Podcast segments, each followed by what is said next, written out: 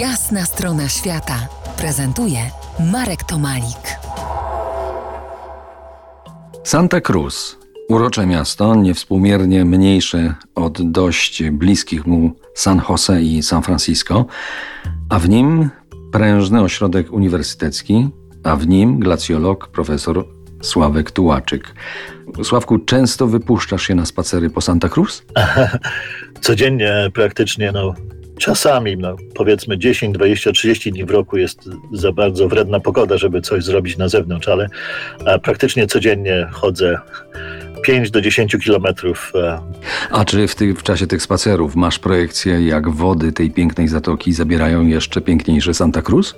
Tak, z tym, że te takie negatywne wpływy podnoszenia się poziomu morza to zazwyczaj to nie jest coś, co się dzieje cały czas, to jest coś, co tak jak powodzie na, na rzekach. Także no to, to są takie katastrofy, które staną się częstsze i gorsze w wyniku podnoszenia się poziomu morza, bo to morze będzie potrafiło w takich momentach burzy sięgnąć o wiele dalej i o wiele wyżej. Wróćmy zatem do no chyba już nie hipotezy, że to człowiek w bardzo znaczący sposób przyczynił się do ocieplenia klimatu. I w związku z tym człowiek nałożył sobie, założył sobie jakieś, y, jakiś czas temu ultimatum, Siedem lat po wejściu w życie porozumienia paryskiego żaden większy kraj nie spełnia swoich zobowiązań co do ograniczania emisji dwutlenku węgla. Niedobrze to wygląda.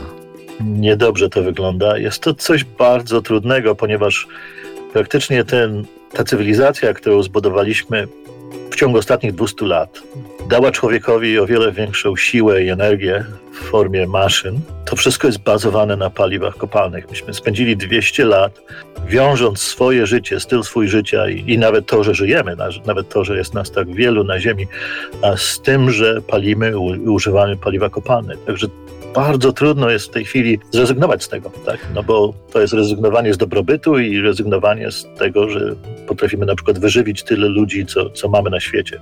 No a czy Santa Cruz i inne e, miasta Zatoki Monterey będą za kilka dekad pod wodą, jak myślisz? Pod wodą to tylko by były obrzeża. My myślimy, że może tak maksymalnie patrzymy na jeden albo dwa metry podwyższenia się poziomu morza do roku 2100. A także no, to by zalało obrzeża, ale o wiele głębiej by to sięgnęło e, w sensie tym, że właśnie w czasie takich ekstremalnych burz, ale na przykład no już Zatoka San Francisco, no to jest bardzo nisko leżąca niecka, która jest tuż przy oceanie i jest mnóstwo na przykład powiedzmy no, główna siedziba Facebooka, jest całe centrum badań NASA, które zatrudnia kilka tysięcy ludzi. Są tylko kilkadziesiąt centymetrów powyżej poziomu tej zatoki, zatoki e, San Francisco. Także nawet podniesienie się o jeden metr to by była no, bardzo, bardzo droga katastrofa.